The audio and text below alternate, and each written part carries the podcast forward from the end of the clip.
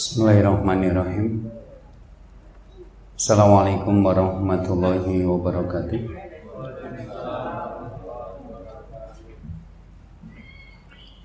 Innal hamdalillahi nahmaduhu wa nasta'inuhu wa nastaghfiruh wa na'udzu billahi min shururi anfusina wa sayyiati a'malina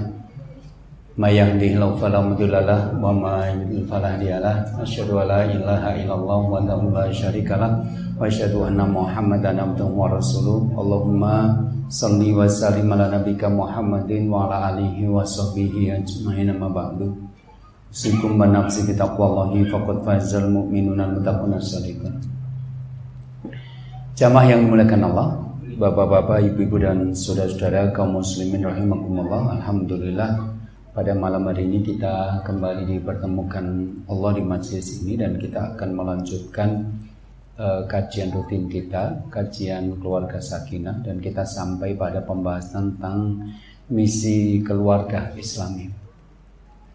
Kita sudah membahas tiga misi keluarga islami. Yang pertama adalah memperoleh anak soleh.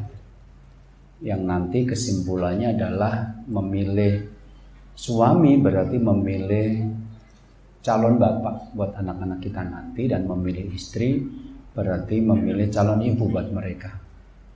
Tidak semua laki-laki bisa menjadi bapak yang baik dan tidak semua perempuan bisa menjadi istri ibu, eh, menjadi ibu yang baik. Maka Pilihlah untuk anak-anak Anda, bukan hanya untuk diri Anda sendiri. Kemudian selain memahami konsep memilih pasangan adalah memilih calon orang tua, juga paham bahwa berarti kita membutuhkan ilmu tentang bagaimana mendidik anak. Karena ada tahapan-tahapan, eh, ada tahapan-tahapan baik secara umur maupun cara materi. Cara umur berarti anak yang uh, berumur baru di bawah satu tahun atau dua tahun masih disusu ibunya nanti cara mendidiknya berbeda dengan mereka yang pada masa lima tahun pertama berbeda pada masa-masa penanaman disiplin di usia sekolah dasar. Sedangkan secara materi berarti nanti dimulai dari penanaman akidah nanti terus kemudian ke ibadah nanti ke sosial dan macam-macam. Yang kedua Misi keluarga islami kemarin adalah Hodul Basor wa Hifzul Baji, membuat mata lebih tertunduk dan kemaluan lebih terjaga. Jadi menikah itu untuk menjaga kesucian, untuk memperjelas keturunan. Maka berzinaan menjadi sesuatu yang tercela karena dia mengacaukan uh, keturunan. Jadi orang berzina itu bisa saja ini anak hasil perselingkuhan tapi diakukan kepada bapak dari anak ini ya terus kemudian juga melahirkan kekejian. Ya. Karena itu maka pilihlah pasangan yang bisa membuat mata anda tertunduk. Lihat baik-baik calon pasangan anda karena yang lebih cantik dari dia di luar banyak lebih ganteng dari dia di luar banyak. Kalau anda setelah menikah tidak bisa menjaga pandangan mata maka ada kemungkinan besar anda akan terjebak kepada perzinaan. Seperti yang hari ini sangat banyak terjadi. Kemudian yang ketiga adalah uh, untuk berbagi peran bahwa yang namanya orang menikah itu memang laki-laki dan perempuan berbeda dan ketika mereka bersatu masing-masing akan berkontribusi dengan kekuatan yang dimilikinya sendiri-sendiri. Dan ini akan membuat laki-laki dan perempuan yang berpasangan jauh lebih siap menghadapi persoalan kehidupan daripada laki-laki yang sendirian atau perempuan yang sendirian. Ya. Kemudian yang hari ini kita bahas adalah masalah pendewasaan diri. Jadi Orang yang menikah satu, dua, tiga, empat, lima tahun, sepuluh tahun harusnya berbeda dengan orang yang tidak menikah dalam proses pendewasaan. Kenapa? Karena di dalam pernikahan nanti kita akan bertemu dengan banyak masalah yang harus kita selesaikan. Dan menyelesaikan masalah satu demi satu berhasil, ada yang gagal, kita ulangi lagi. Jelas akan menempa diri kita menjadi pribadi-pribadi yang jauh lebih dewasa orang yang sekolah kemudian secara rutin per berapa bulan diadakan ujian, nanti masih ada ujian semesteran, masih ada ujian akhir tahun dan nanti ada ujian akhir sekolah. Jelas orang yang pernah sekolah dan menghadapi ujian ini akan berbeda dengan orang yang tidak pernah sekolah dan tidak pernah mendapatkan ujian. Jadi kalau ada orang yang sudah menikah, lama 5 tahun 10 tahun. Tapi kok nggak dewasa dewasa berarti selama ini dia pola-pola menjalani hidupnya bukan bukan dengan menyelesaikan masalah yang muncul di mana itu menjadi proses pendewasaan tapi dia lebih cuma menghabiskan umur. Kalau ada masalah tinggal pergi kalau ada masalah dianggap tidak ada. Lama-lama menua dan ternyata selama menikah masalah-masalah yang ada memang tidak diselesaikan dan yang seperti ini banyak. Oke. Nah di dalam uh, perjalanan kita nanti, di sini ada tiga fakta yang saya sampaikan. Yang pertama ada namanya dinamika kehidupan. Dinamika kehidupan itu berarti ada ada sesuatu yang dinamis, yang bergerak, yang berkembang, yang berubah-ubah dalam hidup kita. Mungkin di awal pernikahan ekonomi kita kurang mapan, tapi berapa tahun kemudian usaha kita mulai jalan atau sebaliknya, pas nikah kita sudah dapat pekerjaan secara mapan, tapi begitu kita nikah baru berapa bulan lockdown, kita usaha perusahaan tempat kita kerja ternyata bangkrut, kita sekarang nganggur misalnya. Uh, dulu kita badannya sehat, suka olahraga, terus ternyata kita sekarang jatuh sakit. Atau sebaliknya, dulu kita pas sakit, terus sekarang kita berubah menjadi orang yang sehat. Dulu kita uh, apa ya banyak situasi-situasi dalam hidup yang membuat kita bahagia. Ya, jadi anak orang kaya, apa-apa dicukupi, pembantu banyak, tinggal perintah-perintah, minta apa-apa langsung dibelikan. Hidup terasa seperti di surga. Begitu dia sudah lulus sekolah, justru orang tuanya meninggal. Bingung karena selama ini cuma makan hasil dari orang tuanya, bukan usaha sendiri. Akhirnya apa? Habis harta orang tua, nggak bisa dikembangkan. Saya pernah waktu itu ngisi di Surabaya. Ada seorang ibu yang menangis karena pagi itu barang-barangnya yang di kos-kosan itu dikeluarkan oleh yang punya kos. Barangnya dikeluarkan ditaruh di jalan.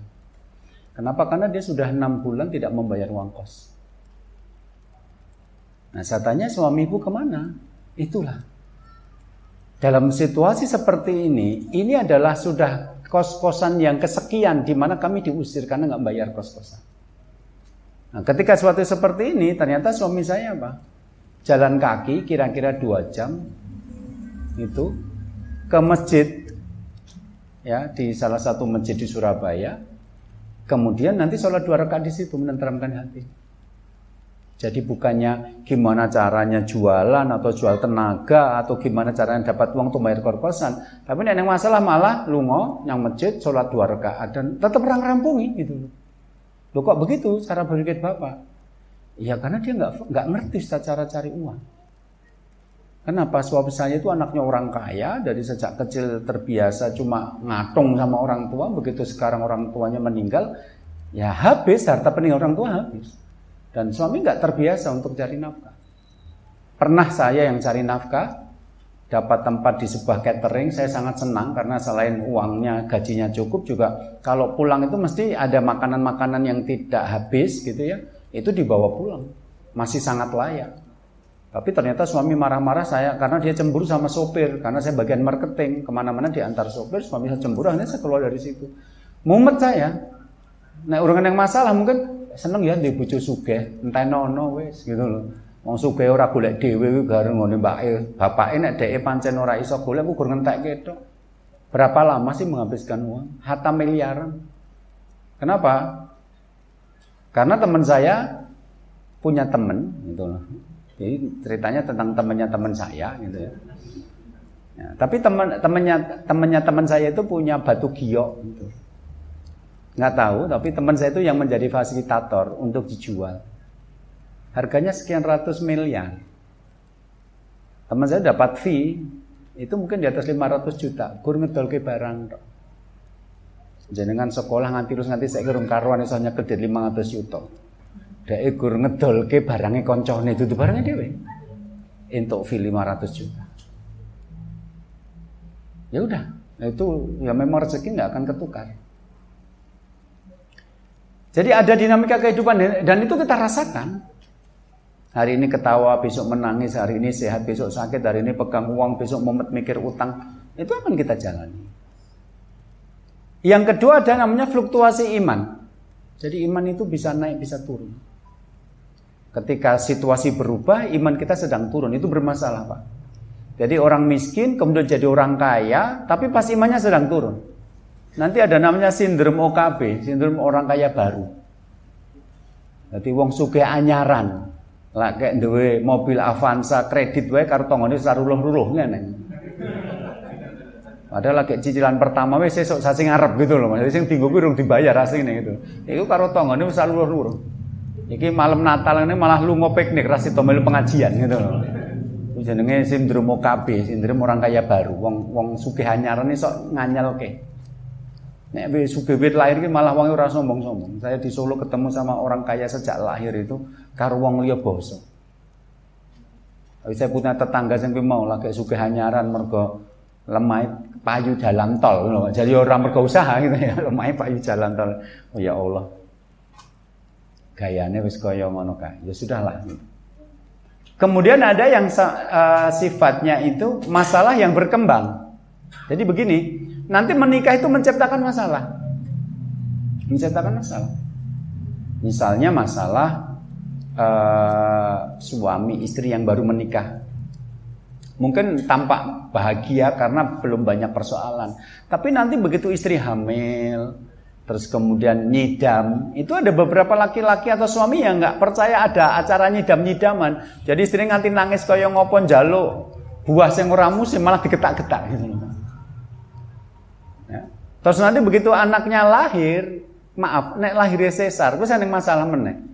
Harus menyediakan dana jauh lebih banyak dari persiapan kita. Kita mengira satu juta sudah aman karena biaya di uh, rumah sakit bersalin nggak segitu misalnya. Tapi begitu sesar langsung Paling enggak Anda punya 10 juta.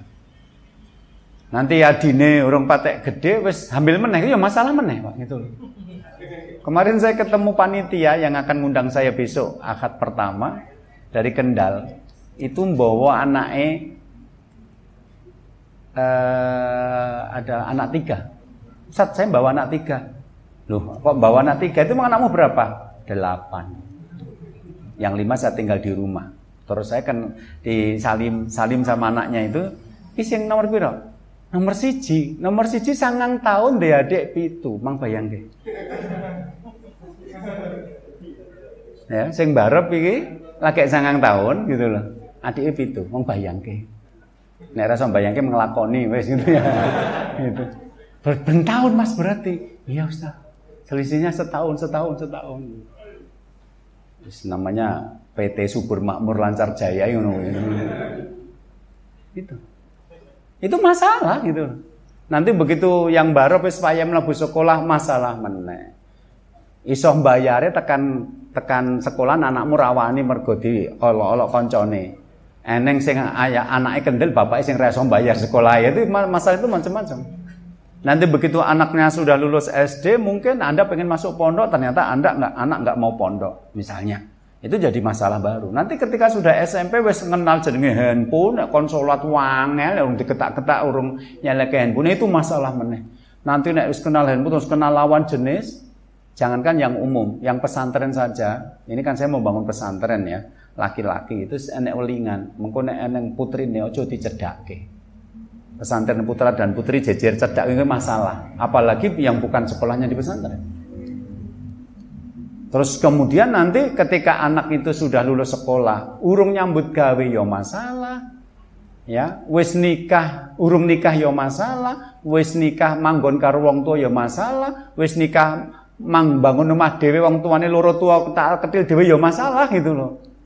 Itu belum masalah kesehatan, belum masalah ekonomi, belum masalah kebijakan politik. Ada pasangan yang punya rumah dekat jalan raya buka toko dan sangat laris. Tiba-tiba pemerintah memutuskan di situ dibangun flyover atau underpass.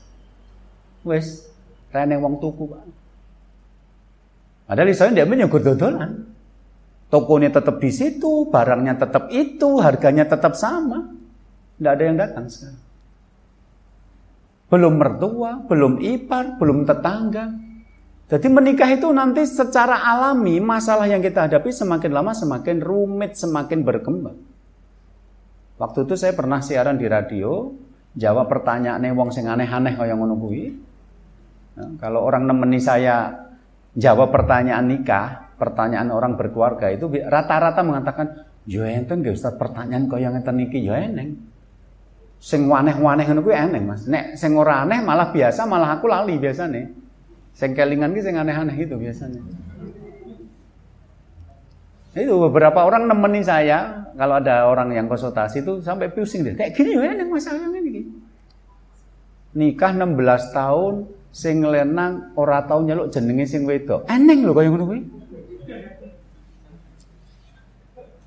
Pas materi pengajian saya ya memanggil pasangan dengan nama kesayangan. Rasulullah itu kalau manggil Aisyah dengan yang Humairah, eh itu yang tersinggung gitu loh, Pak. Lah Ustaz, saya itu apa berlebihan kalau minta suami saya memanggil saya dengan nama saya? Saya sudah 16 tahun menikah, suami saya belum pernah memanggil nama saya. Apa meneh kok sayang? Cinta, honey, baby. Ojo babi, baby. Apa agak diceritakan Ustadz itu panggilan saya. Nama saya loh orang tahu disebut. Kan saya heran, masa tahu bapak nggak pernah sebut nama ibu? Betul Ustaz. Lah kalau butuh ada kebutuhan dengan ibu piye? Suruh bikinkan minum, suruh apa namanya nyelikakan baju, nyucikan baju, itu piye coba rasa jeneng. Eh. Eh. Kayak no wedang. Eh, setelika no klambi. Berapa percaya Pak? Aneh kayak ngono itu loh Pak. Ada makhluk aneh ini Anda ternyata itu. Berarti 5 16 tahun itu istrinya belum pernah dia manggil nama istrinya. Padahal waktu itu materi saya tentang memanggil nama kesayangan gitu. Ya eneng ta sing kaya ngono kuwi. Ada. Seribu satu pertanyaan, seribu satu juga tipikalnya. Nah, ini fakta-fakta yang akan kita temukan dalam perjalanan kita, yaitu adanya perubahan-perubahan situasi dan kondisi, ada iman yang naik turun, dan ada juga masalah-masalah yang semakin lama semakin berkembang. Jadi nek jenengan setelah menikah ndak mau belajar ilmu berkeluarga, yakin Suatu saat Anda ketemu masalah yang Anda tidak sanggup menghadapi. Ilmu jenengan wis kentekan iki masalah anyar. Berapa banyak orang tua didik anak bingung mergane apa? Saiki bocah-bocah ngerti handphone, bae orang ngerti, wong tuane orang ngerti. Jadi wong tuane mengira ketika anaknya pegang handphone terus kemudian maaf, dia menang dianggap HP. Padahal khusuk main game tunggu suwe-suwe dijak waya salat wae dikon yo angel. Anak orang tua bingung gimana Ustaz anak saya kecanduan game. Nah mereka mau didik anak tapi mereka tidak menguasai internet, tidak menguasai teknologi, sementara anaknya menguasai. Ini masalah loh. Zaman dhisik kowe ra mudeng komputer, ra mudeng internet, anakmu mudeng. Itu bisa menciptakan masalah. Itu namanya masalah baru yang muncul kita tidak punya ilmu untuk menghadapi itu. Saya ketemu pasangan yang menikah 15 tahun. Ilmu mengelola uang ngerti. Ilmu mencari uang bisa. Uang rumahnya bagus. Mengelola uang bisa karena dia bisa bayar sekolah anaknya, bisa nyicil mobil, bisa nyicil uh, rumah, bisa nyicil sepeda motor, bisa setiap hari libur ngajak uh, keluarganya piknik. Jadi mengelola keuangan dia bisa. Ya, ngajak orang uh, keluarganya rekreasi bisa, rapat RT bisa. Begitu 15 tahun menikah, tahun ke-16 undangan reuni datang, begitu dia reuni ketemu karo mantan, ternyata ilmu menghadapi mantan ora iso. Jadi rumah tangga 15 tahun bubar gara-gara datangnya manusia dari masa lalu. Jenenge mantan. Jadi ilmu ilmu apa-apa wis mudeng, tapi ilmu menghadapi mantan ora iso. Jadi kalau ada orang yang menyepelekan masalah-masalah rumah tangga, Wes tak tunggu. Karena apa? Karena secara alami hidup kita akan bertemu dengan masalah-masalah yang lebih rumit, yang lebih berkembang. Kalau Anda tidak berkembang, Anda akan berhenti di satu titik, sementara masalah yang muncul, masalah baru yang Anda tidak tahu sebelum.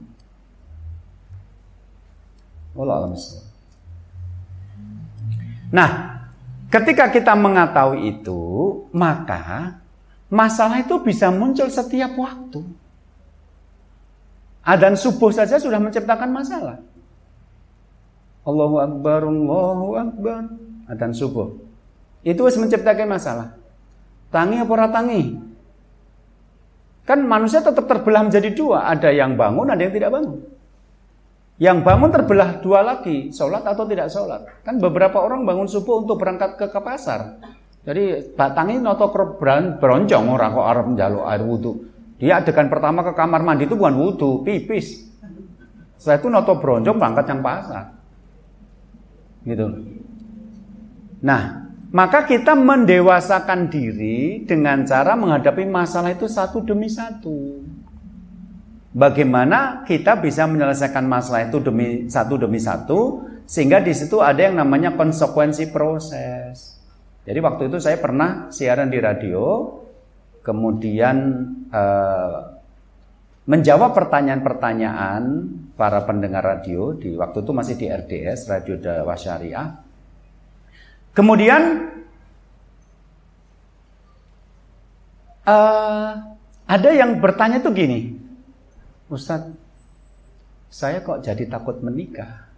Kenapa? Karena ternyata masalahnya orang nikah itu banyak banget. Saya pusing. Saya jawab begini, Mbak, masalah orang menikah itu sangat kompleks karena menikahnya sudah berjalan sekian tahun. Jadi sebenarnya masalah itu akan mengikuti proses kita menikah. Jadi Anda nanti kalau menikah dengan suami Anda, di malam pertama itu masalah belum banyak. Maka hadapi malam pertama dengan berkomunikasi agar Anda tahu siapa suami Anda, suami tahu siapa Anda, kemudian tahu apa yang membuat Anda senang, yang membuat Anda tidak senang, coba dikomunikasikan. Ketika Anda mampu membangun komunikasi dengan baik, nanti masalah berikutnya datang, berikutnya datang, dirampungi siji mbok siji. Jadi seperti orang yang garap matematika rumit. Perkalian pangkat akar kuadrat, ya, kemudian menghitung desimal atau kalkulus, itu bagi cah SD mumet gimana? Tapi percayalah, yang punya nilai matematika 100 itu ndek ben ya wiwit SD. Dimulai dari satu tambah satu sama dengan dua, dua tambah dua sama dengan empat, satu kali satu sama dengan satu. Itu nanti setelah itu pelan-pelan pelan dia lama-lama bisa menyelesaikan masalah-masalah yang rumit dalam matematika. Jadi semua masalah rumah tangga itu pun dimulai dari masalah sederhana. Jadi kuncinya adalah menghadapi masalah itu satu. Ada masalah lagi hadapi, hadapi, hadapi. Kemampuan Anda menghadapi itu terakumulasi menjadi keterampilan untuk menghadapi masalah-masalah berikutnya. Oke, nah sekarang begini. Mujahadatun nafsi wa riyadatuha bi ri'ayati wal wilayati wal qiyam bi ahli wa sabri ala akhliqihinna wa ihtimalil wa ihtimalul adha minhunna wa sa'yi fi islahihinna wa isyadihinna ila tariqid din wal ijtihad fi kasbil halal li ajlihinna wal qiyam bi tarbiyatil auladi. Masalah rumah tangga itu adalah mujahatun nafas berjuang secara mental untuk berlatih agar mampu menjaga keluarga, melindungi keluarga, melaksanakan hak-hak keluarga, bersabar atas akhlak pasangan, ya menanggung beban dalam mencari rezeki yang halal, memperbaiki dan memberi petunjuk keluarga menuju cara yang baik sesuai dengan aturan agama. Itu adalah masalah-masalah yang nanti kita akan hadapi. Karena itu maka untuk bisa menghadapi masalah-masalah dalam keluarga itu menghajatkan berbagai macam ilmu. Jadi keluarga itu adalah medan pertempuran di mana semua senjata harus dikeluarkan.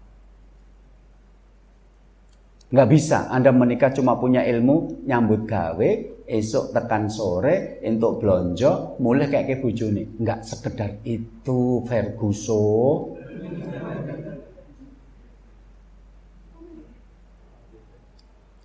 Jadi nanti ada ilmu tentang pendidikan. Gimana caranya didik anak? Di zaman seperti ini, yang sangat sulit ini. Bahkan ketika anak Anda lahir, Anda sudah kasih nama Muhammad Soleh dan Siti Soleha. Belum tentu nanti jadi Soleh. Saya ketemu orang namanya Soleha, ini rasanya tahun rampung-rampung. Saya ketemu orang namanya Soleh, ora sholat. Coba. Namamu mengingkari perbuatanmu. Nggak cukup nyekolahkan anak pondok wae yo eneng sing mulai ora dadi kok.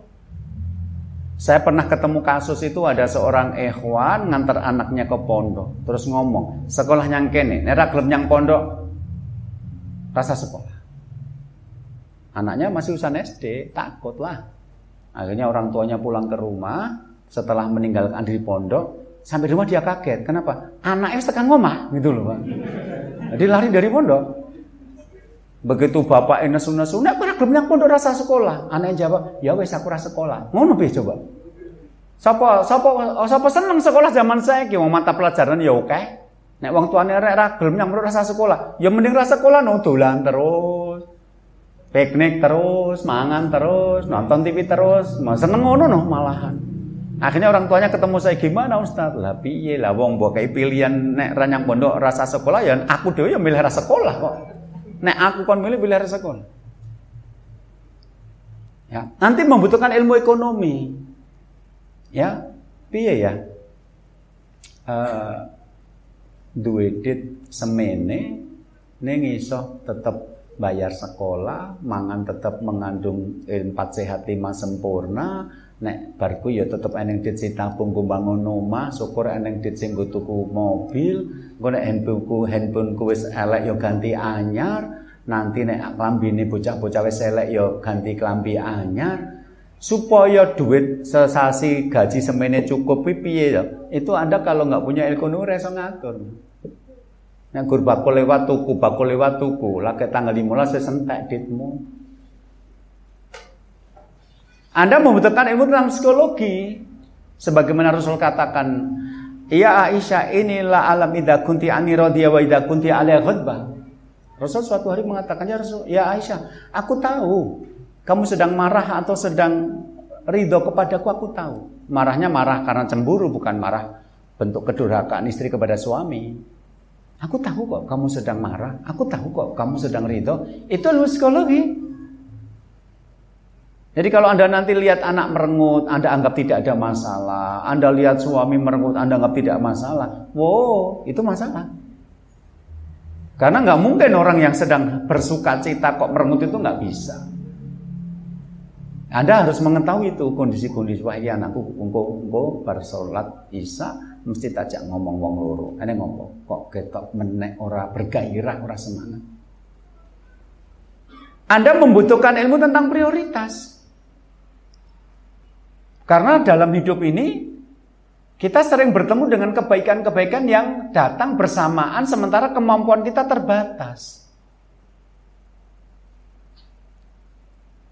Ini kan toiletnya yang laki-laki dan perempuan di sebelah selatan semua. Mungkin kalau ada perempuan mau ke toilet kan agak susah. Itu ada sih toilet yang di utara, tapi nggak ditulis untuk perempuan, itu untuk santri. Jadi kalau ibu-ibu mau ke pipis jadi bingung toilet perempuan di selatan, nek masuk ke situ, gue nek neng santri yo yang toilet piye? Itu identitasnya nggak jelas itu, itu toilet perempuan atau toilet santri. Jadi ibu-ibu nek melu pengajian jadi bingung toilet tarep yang di. Paham pengurus? Oke. Terus Anda menawarkan uh, jamaah karena mungkin nanti pengajian ini semakin lama semakin berkembang, semakin banyak orang yang datang. Mungkin jamaah putri juga butuh toilet. Ada yang mau sodako jariah apa enggak? Kalau mau nanti kita buatkan. Bagi yang mau uangnya ditunggu sampai Senin depan. Tolong nanti serahkan kepada bendahara masjid. Kira-kira bantu masjid sing arep bangun toilet iki apik apa elek? Apik insyaallah. Nek kowe elek berarti kowe penyusup yang datang ke pengajian.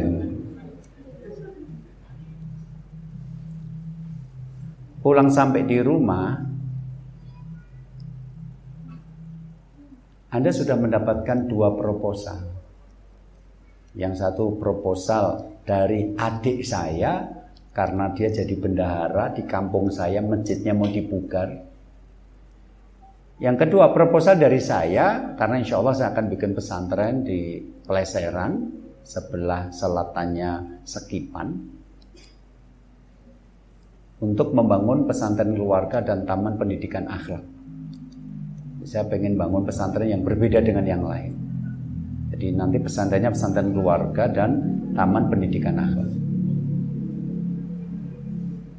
Nah kok ini menjelang Ramadan? anak perempuan Anda ngomong, ayah ini mau Ramadan. Iya, kenapa? Aku pengen besok kalau lebaran pakai baju baru ya ya. Habis itu anak Anda laki-laki datang. Loh kok wis mulai nang? Oh, oh ya ini mau libur-libur Ramadan. Mesake ya ya. Pas Ramadan libur gini ada teman-temanku yang nggak bisa pulang kampung karena mereka dari luar Jawa, tiket pesawat sangat mahal, ada peraturan lockdown. Jadi mesake selama Ramadan mereka di pondok dan nanti kalau hari raya pun mereka di pondok. Maka aku punya rencana sama teman-temanku bikin pesantren selama Ramadan itu pesantren kilat jadi satu hari kita datangkan ustadz satu bicara dari jam 8 sampai jam 12 siang waktu duhur dan kemudian setelah itu nanti pada waktu lebaran kita mau ngasih amplop satu orang 100 ribu dikasih peci sarung dan baju baru wah apa Nah itulah ya aku butuh pendana donatur ayah mau ya jadi donatur proposalnya ada diberikan. Habis itu Anda ketemu sama istri, ya iki weh Ramadan. Ya ngopo? Ya nek diditi ra sanggo neko-neko, kena wis tahun ra mulih kok ora iso mudik, mosok ya tahun iki tetep ra mudik. Bang Toye bae gur telung tahun, tiga kali lebaran, mosok lebaran keempat tetep ra mulih. Dadi nek didit ra sanggo neko-neko ditabung. Besok kalau menjelang lebaran nanti kalau uangnya banyak ya kita nyewa mobil. Tapi kalau enggak ya naik kendaraan umum. Tapi pulang tahun ini masa tetap nggak pulang terus. Iya iya. Habis itu pintunya diketuk, rondo sebelah rumah datang. Bisa kayak terkenal kan rondo bolong nih ceritanya. Dia datang, bukan untuk dinikahi, bukan. Dia mengingatkan, Bapak, Dulu suami saya sakit sebelum meninggal itu sempat pesen. Dia bilang kalau bapak teman baiknya, teman mancing, teman pit-pitan, teman pengajian. Jadi kalau saya ada apa-apa kata suami saya, minta tolong ke bapak dulu. Posisinya jadi janda itu nggak enak. Kalau minta tolong itu sering diartikan salah, salah paham sama laki-laki itu. Saya ke sini pak. Sudah dua bulan saya belum bayar SPP anak-anak sekolah dan kalau nggak bayar nggak bisa ikut ujian bantu masjid, proposal pembangunan masjid, proposal pembangunan pesantren, bantu anak-anak di pesantren, anak itu tuku kelambiannya, bujone jaluk dimulai ke tahun ini dan tetangga sebelah yang istrinya teman baik kita itu juga minta bantuan karena mau bayar sepeda anaknya. Dia yang pitu, Nek kue wong sugih ndek 20 juta ora masalah. Dom sak juta, sak juta, sak juta, sak juta. Cek cek Pak 13 juta tak kandhani. Tapi nek jenengan termasuk middle low, menengah ke bawah. Begitu dilihat dompetnya di sini kurang atau sewu, berarti jenengan harus hati-hati. Ini rong atau sewu tak bantok ke sing ngendi sing paling prioritas. Soalnya panitia-panitia yang tadi itu saya ceritakan tidak menerima fotokopian. Jadi yang diberikan harus uang asli. Lah saya ingin jenengan duitnya gorong atau sewu, kira-kira yang anda pilih yang mana? Itu yang saya katakan bahwa dalam hidup kita sering bertemu dengan situasi kesempatan beramal soleh itu banyak, tapi kemampuan kita yang tidak ada. Nah dalam kehidupan berumah tangga prioritas itu penting. Kenapa? Karena ada perbuatan-perbuatan yang tidak prioritas. Meskipun baik tapi tidak prioritas. Baik Pak, bukan perbuatan dosa dan maksiat. Ini tidak prioritas. Contoh. Ada seorang suami yang pulang malam. Nah karena pulang malam, dia capek dan akhirnya tidur. Padahal dia sudah seminggu tidak mendapatkan pelayanan di atas ranjang. Dan dia berpikir, ya wis lah, sesok bar subuh wae wong wis seminggu nganggur. Maka begitu selesai sholat subuh, dia baca wiridnya sebentar aja, terus dia naik ke atas tempat tidur, memberi kode kepada istrinya bahwa dia butuh dilayani di atas tempat tidur. Dan bojone kira mudah. Demen ratau melu matematika, ratau melu pramuka, jadi ramudeng kode-kode kira ramudeng gitu loh. Nah, Akhirnya apa? Habis sholat subuh, sing wedok ndikir, wedok suwe, bar malah maca Quran sak jus. Sing lenang wis bingung di atas tempat tidur ki piye, ra mudeng-mudeng gitu loh. Sebentar lagi sudah payah berangkat ke kantor, setengah tujuh mau berangkat. Sampai akhirnya suaminya berangkat itu sambil bersungut-sungut lawang keinginan untuk layani tidak tercapai. Sementara sing wedok ki mudeng salah. Begitu suaminya mereka dek ngomong aku salah apa to wong yo bar salat subuh, zikir, bar maca Quran lho ya. Padahal kalau dia paham, oh tadi suamimu itu minta dilayani. Wong dia sudah seminggu tidak dapat pelayanan. Nek bar subuh kamu melayani, wis paling gur wektune sak jam nanti karo tengah jam. Begitu suami berangkat ke kantor, kamu bisa baca Quran nanti sesuk nanti duhur iso dilanjutin ngasar iso tekan maghrib iso. Kuwi jenenge apik ning ora pas sing ngono kuwi. Sing guyu berarti tau nglakoni. Kuwi apik ning ora bener ngono kuwi. Suamimu sudah ngambil cuti untuk di rumah. Ini hari Kamis.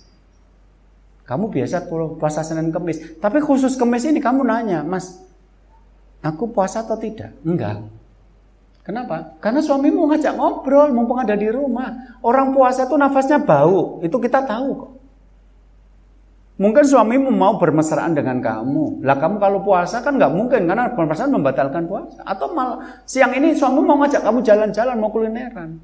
Lah ngajak wong kulineran karo wong poso ya apa gunane gitu. Poso ki ape? Senin Kemis tapi dalam situasi suami yang sedang ngambil cuti jadi nggak baik. Itu ilmu prioritas ojo kur. Aku salah apa? Aku poso Senin Kemis. Wis biasa poso Senin sak durunge nikah. Oh lah dalah. Ragaduk no caramu ngomong ngono ki markona gitu. Ragaduk caramu berumah tangga nganggo dalil ngono ragaduk.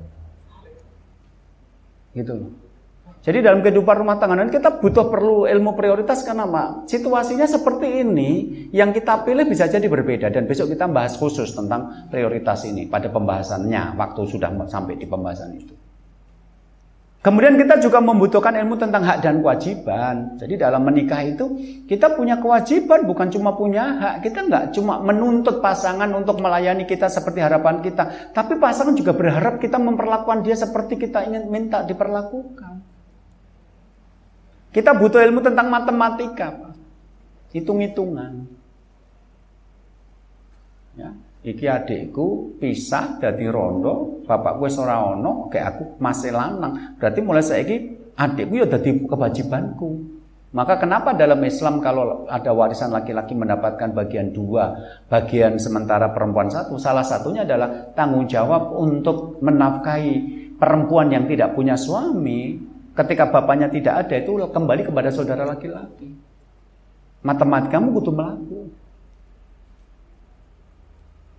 Kamu butuh hubungan sosial dengan tetangga kanan kiri. Nggak bisa. Yang penting lah keluargaku, karo tonggora luruh-luruh.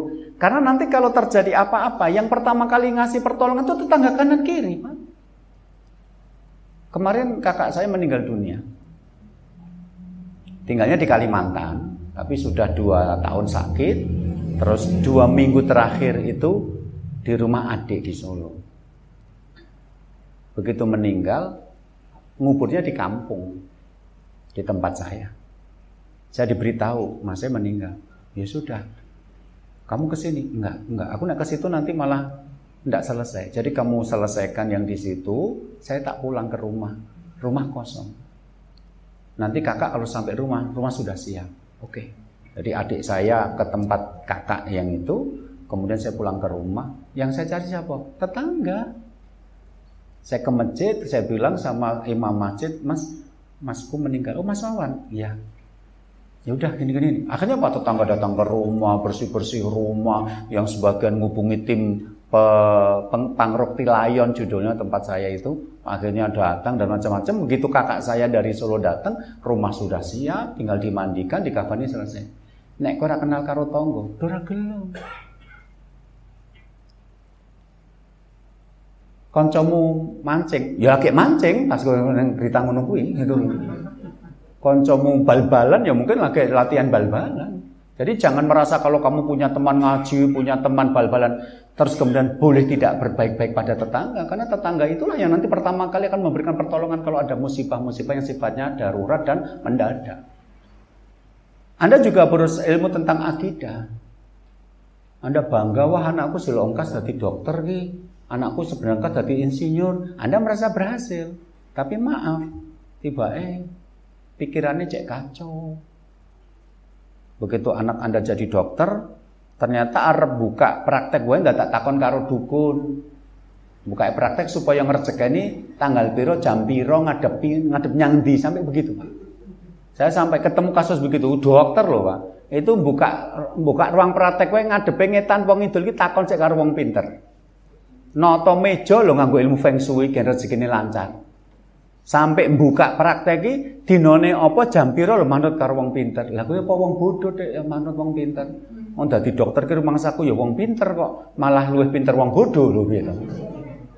Iki bapake cerita wah anakku dadi dokter. Apa? Dokter lu neraka nek ora tobat, wong musyrik ngono kok. Kalau Anda tidak punya ilmu akidah, bisa jadi loh istri Anda, suami Anda, anak Anda ikut pengajian kelompok sesat, Anda bahkan tidak mengenali loh. Kemarin saya ketemu seorang ibu yang dia bingung karena apa? Karena anaknya itu sekolah sekolah negeri, terus kemudian bersikap sangat permisif, sangat bebas. Sehingga dia cerita, punya teman laki-laki suka dengan laki-laki. Tapi dia cerita sama ibunya, ya biar toh mama itu kan hak asasi manusia. ibunya kan bingung. Waduh, nih anakku pikirannya kaya ngene lagi dadi penyambung lidahnya kaum LGBT nek ngene carane.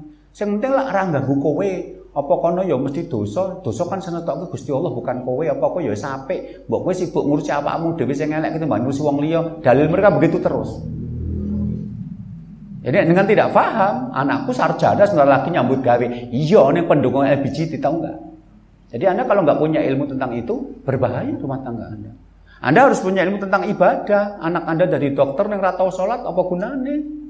Anda harus mau ngajak mereka sholat membangunkan mereka sholat anda harus punya ilmu tentang manajemen waktu. 24 jam sehari itu berapa menit yang Anda pakai untuk sholat, berapa menit Anda pakai untuk mencari ilmu, berapa menit untuk bekerja, berapa menit untuk kursi keluarga, berapa menit untuk bertetangga, berapa menit untuk olahraga. Karena kalau itu tidak Anda atur, Anda bisa bermasalah.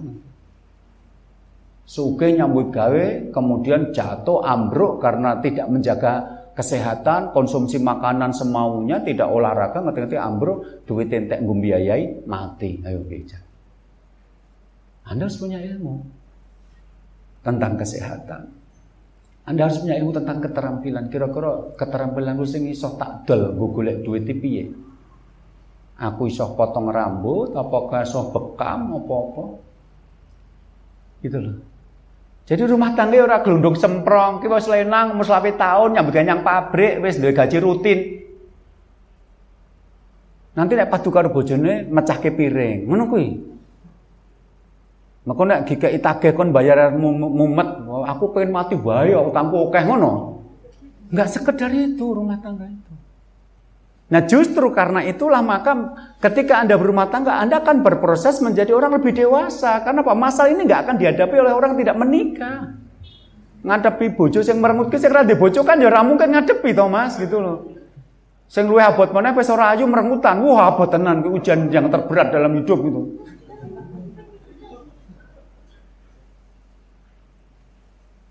Jadi Anda nggak bisa menyepelekan usaha rumah tangga itu nggak bisa. Saya sudah menyaksikan orang yang tumbang satu demi satu, padahal mereka kaya, padahal mereka pinter. Yang terakhir kemarin guru, suaminya guru, istrinya guru, nikah 37 tahun akhirnya berpisah. 37 tahun, umurnya menungso. Kenapa? Raisa ngadapi. Gitu loh. Nah, bagaimana cara kita mendewasakan diri? Saya katakan tadi adalah dengan cara menyelesaikan masalah yang datang satu demi satu. Karena kita punya prinsip layu kalifullahu nafsan ila usaha. Allah tidak akan memberikan beban di luar kesanggupannya. Jadi kalau kemudian kita menghadapinya pelan-pelan, maka kemampuan kita menghadapi itu akan terakumulasi, terkumpul menjadi kekuatan baru untuk siap menghadapi masalah berikutnya. Tambahkan lagi, tambahkan lagi lama-lama Anda menghadapi masalah yang sangat berat pun enteng wae. Wong liya mumpet nyawang jenengan jangan penak wae nglakoni.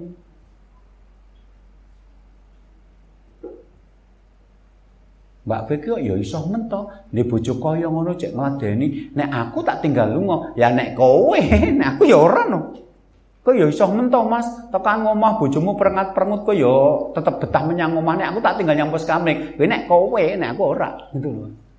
Jadi kadang-kadang kita menjalani hidup ini biasa-biasa saja, tapi menurut orang lain kita jadi orang hebat. Kenapa? Karena mereka tidak sanggup kalau menghadapi masalah seperti yang kita hadapi. Padahal kita menghadapi seperti karena sudah menghadapi sebelumnya. Gitu. Jadi saya katakan sekali lagi, kalau ada orang yang setelah menikah tidak berkembang menjadi lebih baik lagi karena mereka tidak menghadapi masalah itu demi satu demi satu. Coba kita perhatikan ayat ini, surat Al-Anfal ayat 24, ada banyak ilmu yang kita dapatkan di sana. Ya ayyuhallazina amanu, wahai orang-orang yang beriman. Kalau Anda merasa tidak beriman, nyingkir daripada nanti komentar malah salah. Ahok itu bukan orang beriman, dia berani-beraninya mengomentari surat Al-Maidah ayat 55. Nyingkir akhirnya dia. Itu urusanmu, wong wong kafir. Kafir yang kupe, kafir.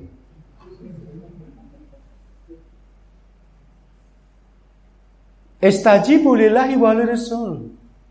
Jawablah, penuhilah panggilan Allah dan Rasul. Jadi kalau Allah dan Rasul memanggil, penuhilah kalau Anda beriman. Idza ja'akum jika Rasul itu memanggil kalian lima yuhyikum kepada hal yang menghidupkan kalian. Jadi di sini ada muatan satu, kalau Anda beriman, ketika dipanggil Allah dan Rasulnya harus memenuhi panggilan itu. Dalam ayat yang lain namanya sami'na wa ta'na. Yang kedua, di sini informasi bahwa Rasul memanggil kalian itu kepada hal yang menghidupkan kalian. Qala al-Bukhari lima yuhyikum lima yuslihukum. Imam Bukhari mengatakan bahwa kepada yang membaikkan kalian atau menghidupkan eh, kepada yang menghidupkan kalian lima yuhyikum itu artinya adalah lima yusli hukum yang membaikkan kalian. Jadi kalau Anda nanti menjalani rumah tangga sesuai dengan panggilan Allah dan Rasulnya, Anda akan berubah menjadi orang yang lebih baik. Lima yuhyikum menghidupkan hati nurani dan yusli hukum membaikkan kalian. Misalnya tadi ada istri yang sedang jengkel sama suaminya. Nah, dia bisa mengambil sikap tidak masak, suami datang ke rumah merengut dibiarkan, didiamkan, tidak peduli. Dia bisa memilih jalan seperti itu. Tapi dia bisa memilih juga tetap berusaha tersenyum. Berusaha tetap tersenyum, tetap melayani suami. Itu kan berarti dia harus menahan diri. Mengontrol emosi, menahan rasa marah, mengalah demi kebaikan bersama, sabar. Jadi ketika seorang istri yang sedang jengkel sama suami menyambut kedatangan suami tetap dengan senyum, itu dia sudah berubah menjadi pribadi yang lebih hidup hatinya, menjadi pribadi yang lebih baik. Sama laki-laki yang pulang ke rumah, dia bisa tidak pulang kok. Dia tahu istrinya sedang jengkel. Dari panggilan perempuan kepada suaminya saja menunjukkan tingkat kejengkelan, Pak. Ada ibu-ibu yang datang konsultasi. Lah kok sendiri bu, bapak ke mana? Oh mas Joko toh sedang keluar kota. Jenenge Joko. Lagi seneng. Oke. Nanti ketemu berapa hari, gimana kabarnya suami bu? Kok enggak berapa hari enggak kelihatan ke masjid? Oh bapak Etole, bapak Etole gantian. Bapak ini sopo? Ya Joko kui mau gitu loh pak. Nek gandeng wis mulai ora mulai pirang-pirang dosa saiki ora ganti Joko meneh, Bapak Edole. Dah seminggu kemudian kita ketemu, Bu, Bapak kok nggak kelihatan? Berapa hari ini pengajian nggak pernah datang? Oh, uangnya dereng mulai, uangnya tadi. Gitu. Engkau nak jengkel banget gitu. Gimana bu kabarnya bapak? Nyawane rung Bali. Oh. Tapi nyawane wonge bapak edole karo Joko. Wonge siji asline, Pak. Tapi dari cara dia mengeluarkan, mencari kata ganti untuk suaminya, itu menunjukkan tingkat kejengkelannya. Jadi ketika Anda baca WA dari istri, Anda sudah tahu kalau dia sedang tidak, sedang marah sama jenengan. Iki nenek tak tinggal, jadi masalah anyar. Saya bisa tidak pulang, saya bisa pergi ke mana bersenang-senang bisa. Tapi itu tidak akan menyelesaikan masalah. Bismillah, saya tetap pulang kata bapak ini. Maka begitu pulang dia kuatkan hati, lihat istrinya yang cemberut, lihat di atas tempat meja makan belum ada minuman anget, lihat wah gitu, ayo rung dimasak barang. Dia tetap sabar. Itu berarti kan dia menahan diri untuk menahan perasaan, mengontrol emosi, menahan marah, memaafkan kesalahan istri. Ini salahku dhewe nek milih makhluk koyo ngene yo. Dadi aku wis milih ya aku sing dandani, wong ari jalu kawum nalani saya wis berarti dandani alon-alon. Berarti kan di situ ada proses untuk menghidupkan hati toh. Jadi menetapi syariat itu kan tidak mengikuti kesenangan pribadi. Di situlah proses untuk menahan, bersabar, mengalah, memaafkan. Itu akan terjadi. Dan itu tidak dibolan baleni seumur hidup. Jenengan jauh berubah menjadi orang lebih dewasa.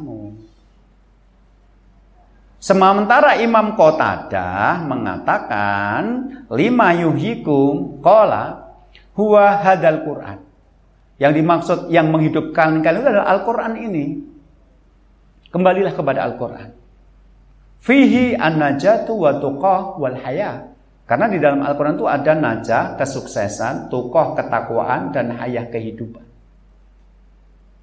Sementara Imam Ibnu Kasir mengatakan tanbihun ala anna du'aahu iyahum la yakunu illa ila ma fihi khairun lahum wa ihya'un li anfusihim.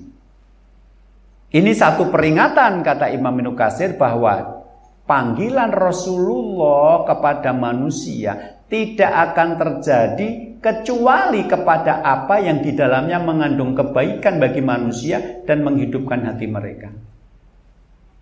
Jadi panggilan Allah dan Rasulnya itu pasti baik dan kalau kamu menetapi panggilan itu Rasul tidak akan memanggil kepada yang sia-sia. Rasul tidak akan mengajak kepada sesuatu yang tidak berguna. Yang akan dipanggil oleh Rasul adalah orang beriman kepada hal yang baik dan menghidupkan hati mereka. Walam fi lima yuhikum dan huruf lam pada kata yuhikum lima yuhikum lamu taklil merupakan lam taklil. Ay maksudnya adalah da'akum Rasul memanggil kalian li ajli ma huwa sababu hayatikum ruhiyah kepada hal-hal yang menjadi sebab kehidupan ruhiyahmu. Nah, maka di sinilah bagaimana cara mendewasakan diri dalam menjalani kehidupan rumah tangga mempelajari ilmu agama dan ketika berkaitan dengan masalah rumah tangga yang sedang kita hadapi, pilihlah dengan cara menetapi itu. Nah, ketika Anda menetapi itu, cara syariat itu, Anda akan berproses menjadi pribadi yang lebih baik karena di dalamnya ada kesuksesan, ketakwaan dan kehidupan karena Rasul meng, uh, apa? Karena panggilan Rasul tidak akan terjadi kecuali kepada hal yang membaikkan manusia dan menghidupkan hati mereka. Nah, berarti sekarang kesimpulannya kalau Anda mau menikah, cari orang-orang yang memang mau diajak untuk menjalankan hukum-hukum agama dalam pernikahan. Nek gur golek senenge dhewe rampung. Saya kemarin ketemu pasangan suami istri yang menikah itu karena cinta. Saking cintanya sampai yang perempuan jadi mu'alaf. Coba merubah keyakinan akidah itu berat loh. Dek wingi meyakini semua dosa sudah ditebus. Sekarang meyakini bahwa meskipun kamu sudah melakukan amal baik nek ora ikhlas ora ditompo Gusti Allah. Merubah cara berpikir itu angel banget loh, Dulu dia beranggapan bahwa saya sudah mengakui dia sebagai penebus dosa saya, maka saya pasti masuk surga. Dosa sudah ditebus. Loh.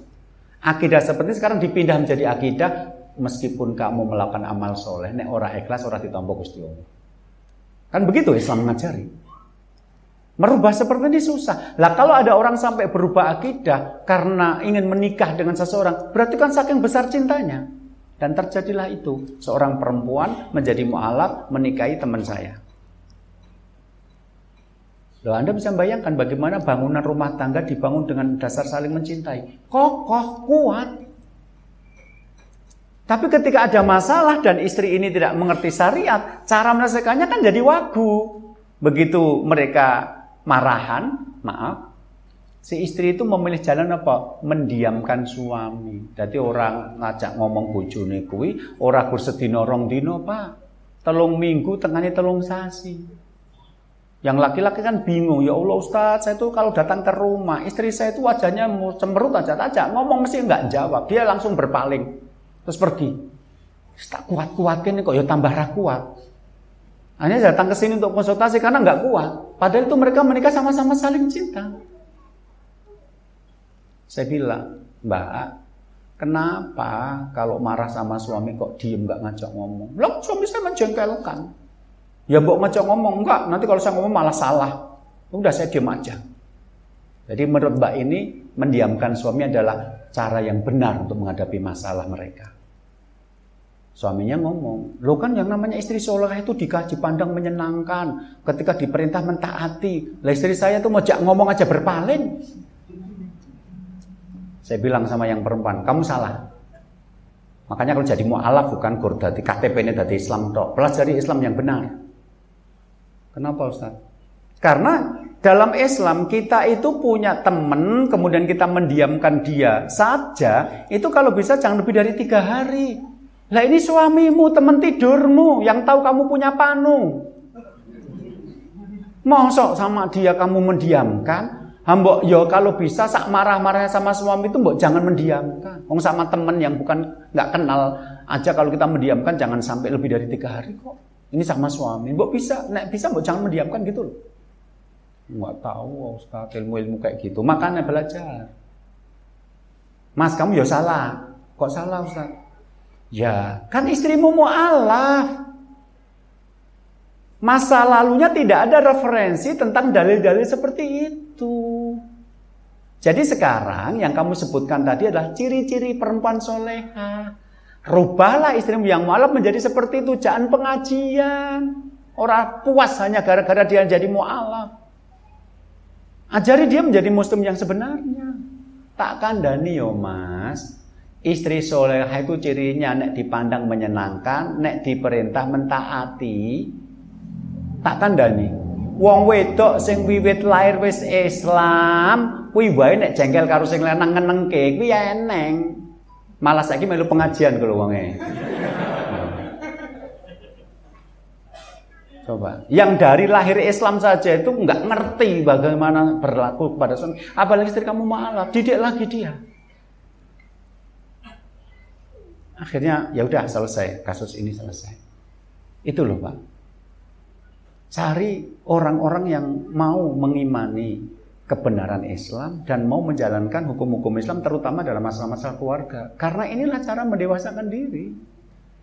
Nek gur ora cocok menengke ora cocok lunga kok omah, ora cocok ora masak, ora cocok ora blonjo bojo, ya ora ngono kuwi. Saya sudah bilang nek kaya ngono kuwi carane uripmu nanti ya tetep ora padha, ora beda karo wong umum sing ora tau pengajian, wong dalam menjalankan hukum-hukum rumah tangga ya padha wae dengan orang umum kok. Kok abot men Ustaz? Ya abot lah wong ganjarane swarga nek enteng gambar apa ganjarane apa kipas angin kan tak kandhani ngono nek ini. Iki abot, ya justru abot itu mendewasakan. Begitu. Oke, ini materi kita berkenaan dengan menikah itu untuk mendewasakan diri. Ya. Jadi carilah pasangan-pasangan yang mau bersama-sama berproses dengan cara menghadapi masalah yang datang satu demi satu. Oke, Mas Wisnu ada pertanyaan? Ini satu pertanyaan. Assalamualaikum. Apa hukumnya kalau dalam rumah tangga istri selalu memerintah suami dan mengendalikan suami, sedangkan kepala rumah tangga sepenuhnya pak suami? Dan pertanyaan kedua, apa hukumnya kalau suami pelit sama istri dan kewajiban suami adalah menafkahi istri? Sekian pertanyaan saya mohon maaf penjelasannya. Atau mulai muncul sing aneh-aneh.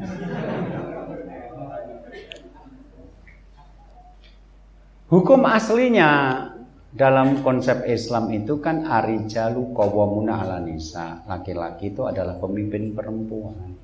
Yang mengatakan seperti ini adalah Allah yang menciptakan laki-laki dan perempuan. Percaya saja deh bahwa Allah yang tahu mana yang terbaik untuk ciptaannya. Jadi kalau pertanyaannya adalah bagaimana istri yang dominan mengatur suami, secara hukum dasar ini tidak benar. Karena perempuan itu tidak akan maksimal ketika berperan sebagai pemimpin, tidak akan maksimal, tidak seperti laki-laki. Kalau Anda menyebut nama-nama perempuan yang jadi pemimpin, coba apple to apple dibandingkan dengan yang selevel. Misalnya maaf Anda nyebut lah itu Megawati Soekarno Putri.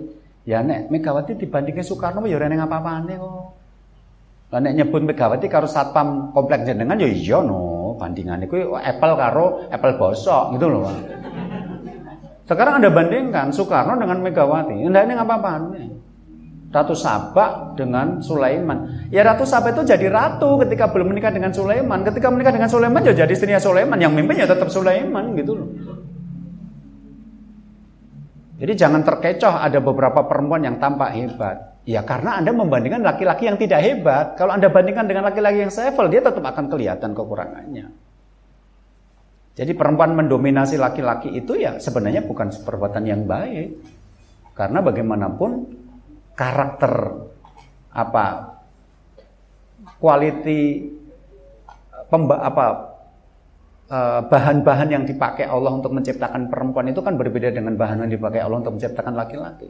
Laki-laki diciptakan dari tulang uh, dari tanah liat yang kering sementara perempuan diciptakan dari tulang rusuknya laki-laki.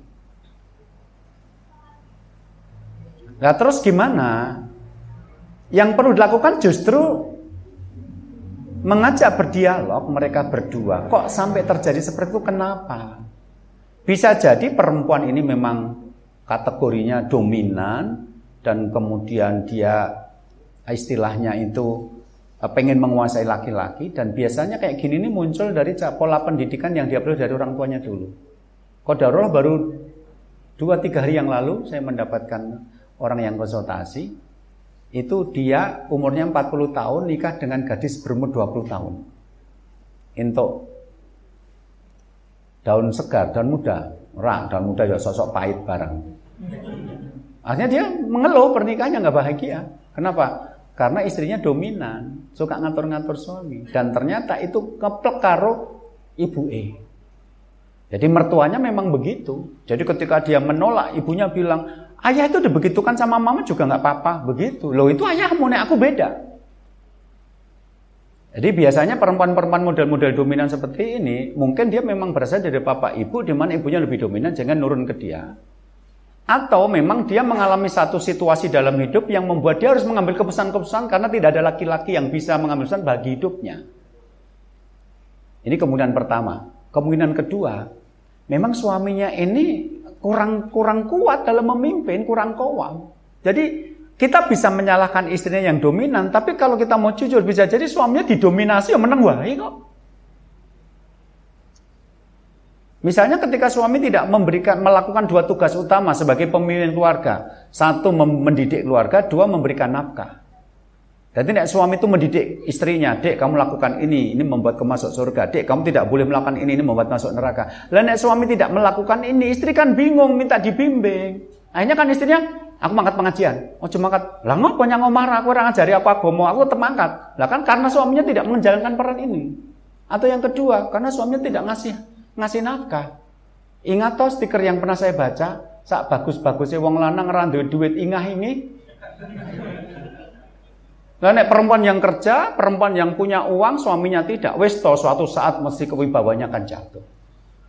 Jadi ini kasus umum, jadi kita nggak ngerti detailnya seperti apa. Secara umum memang perempuan tidak boleh dominan, tetap laki-laki yang mengambil keputusan. Al-rijalu qawwamuna 'ala nisa, laki-laki pemimpin perempuan itu salah satunya adalah al-hakimu alaiha yang mengambil keputusan. Tapi kalau kita mau adil dan menilai secara secara seimbang, ini ceritanya ditambahi dalile. Kapan? Itu sejak menikah dominan atau baru saja sejak suaminya nganggur. Coba cek mertuamu seperti apa, istrimu tuh nirun mbok, ya apa dudu. Terus berapa kemampuan istrimu untuk mengikuti pengajian. Terwarnai nggak oleh materi-materi pengajian macam-macam? Sampai kita tanya nanti baru kita bisa simpulkan. Tapi secara umum memang begitu pak. Bahwa yang namanya perempuan jangan dominan dalam rumah tangga. Nggak sesuai dengan bangunan penciptaan Allah untuk kamu. Tetapi tidak ada asap kalau tidak ada api. Artinya bisa jadi sini dominan karena memang suaminya pantas didominasi. Soalnya apa? Lelet, lemot, letoy. Eneng masalah apa mikirnya suwe. Mas iki nang masang ini anak sesuk kon bayar SPP nek ora telat telat bayar ki ora entuk ikut ujian ngopo. Sik tak takon mbokku sik. Alah, mbok wis mati sisan gitu loh. Malah ngene kayak acara menghidupkan mayat lagi gitu loh. Ya kan ngene, Hai kae, lho bocah-bocah wis dikai surat sekolah, ora entuk ujian nek orang bayar SPP. Kowe ndedet ora? Orang dedet titik. Ya wis ngene, sesuk aku tak nemu kepala sekolah, tak njuk penangguhan. Ngono kuwi lho sing wong lanang sing jejeg ngono kuwi lho. Ora aku mumet, mumet to sebelum memut menular gitu loh. Lah pemimpin memut ya akhirnya anak buahnya tertular kemumetanmu no gitu loh. Jadi tidak ada asap atau tidak ada api. Mestinya laki-laki ini ya didominasi karena dia tidak pawam sebenarnya. Belajar lagi deh jadi pemimpin yang baik. Nah, jadi ini kalau jawab-jawab kayak gini kan mesti nggak bisa puas, nggak bisa tuntas karena tetap ada variabel-variabel yang kita tidak tahu, Pak. Nek gur ngomong ra itu wong dominan. Terus sing enak tekan ngomong, "Lho, ustadmu ngomong ra itu dominan." Lah ya ora dominan nek kowe ya kaya ustad, lah kowe gur kaya ngene muridnya ustadnya ngantukan gitu ya. Gitu, itu jadi masalah. Maka tidak bisa sebenarnya tanya jawab model-model begini itu nggak menyelesaikan masalah. Mesti jawabnya cuma jawaban normatif, jawaban secara standar. Lah kalau ada pengecualian-pengecualian itu tetap harus ada variabel-variabel yang kita temukan dalam sesi wawancara atau konsultasi. Wallahualam Terus yang kedua tadi apa mas? Suami yang pelit sama istri. Oke. Okay. Ya kalau suami pelit sama istri, itu diartikan pelit itu seperti apa? Karena aslinya kan laki-laki berkewajiban menafkahi istri. Nah, selama suami memberikan jatah nafkah kepada istri, tidak bisa dianggap pelit sebenarnya. Dianggap pelit itu kalau dia tidak menafkahi. Ada sih orang menafkahi tapi pelit itu karena dia ngomong karo bojone nyota kayak duit. Ning bar anu nek blonjo sing ati-ati dicukup-cukupke. Loh Mas, rasa kowe ngomong kaya ngono, nek kowe mudeng bojo duit sing mbok keke bojomu kuwi engko dadi deke bojomu, rasa mbok kon ngirit-ngirit mesti diri-diri dhewe wong kok nek wis turah dipek bojo kok. Jadi gini loh, misalnya Anda ngasih sama istri, taruhlah satu juta. Terus istri menggunakan itu untuk operasional selama satu bulan. Kok turah 500 ribu? Yang 500 ribu kan jadi milik istri Anda. Itu nafkah buat dia kok. Dan nafkah itu kan bukan uang belanja nafkah itu adalah kompensasi ketaatan dan pelayanan. Jadi istri Anda bikinkan kopi, istri Anda menyucikan baju, nyetrikakan baju, istri Anda ngepel lantai, ngomong anak, masakkan, istri Anda sampai nanti mau ditiduri Anda nanti malam. Lah nafkah itu ganti itu. Jadi nek wong lenang pelit, itu berarti ilmu matematikanya ramlaku. Karena kalau pekerjaan istri ini disubkontrakkan, diberikan kepada pihak ketiga, menghitung dewe nek jenengan masuk angin karo dipijet, kuwi sekali pijet satu sewu nek sedino nek seminggu pisan berarti peng papat, peng sesasi kuwi nggo ganti pijetane bojomu karo bonus keroan atau sewu.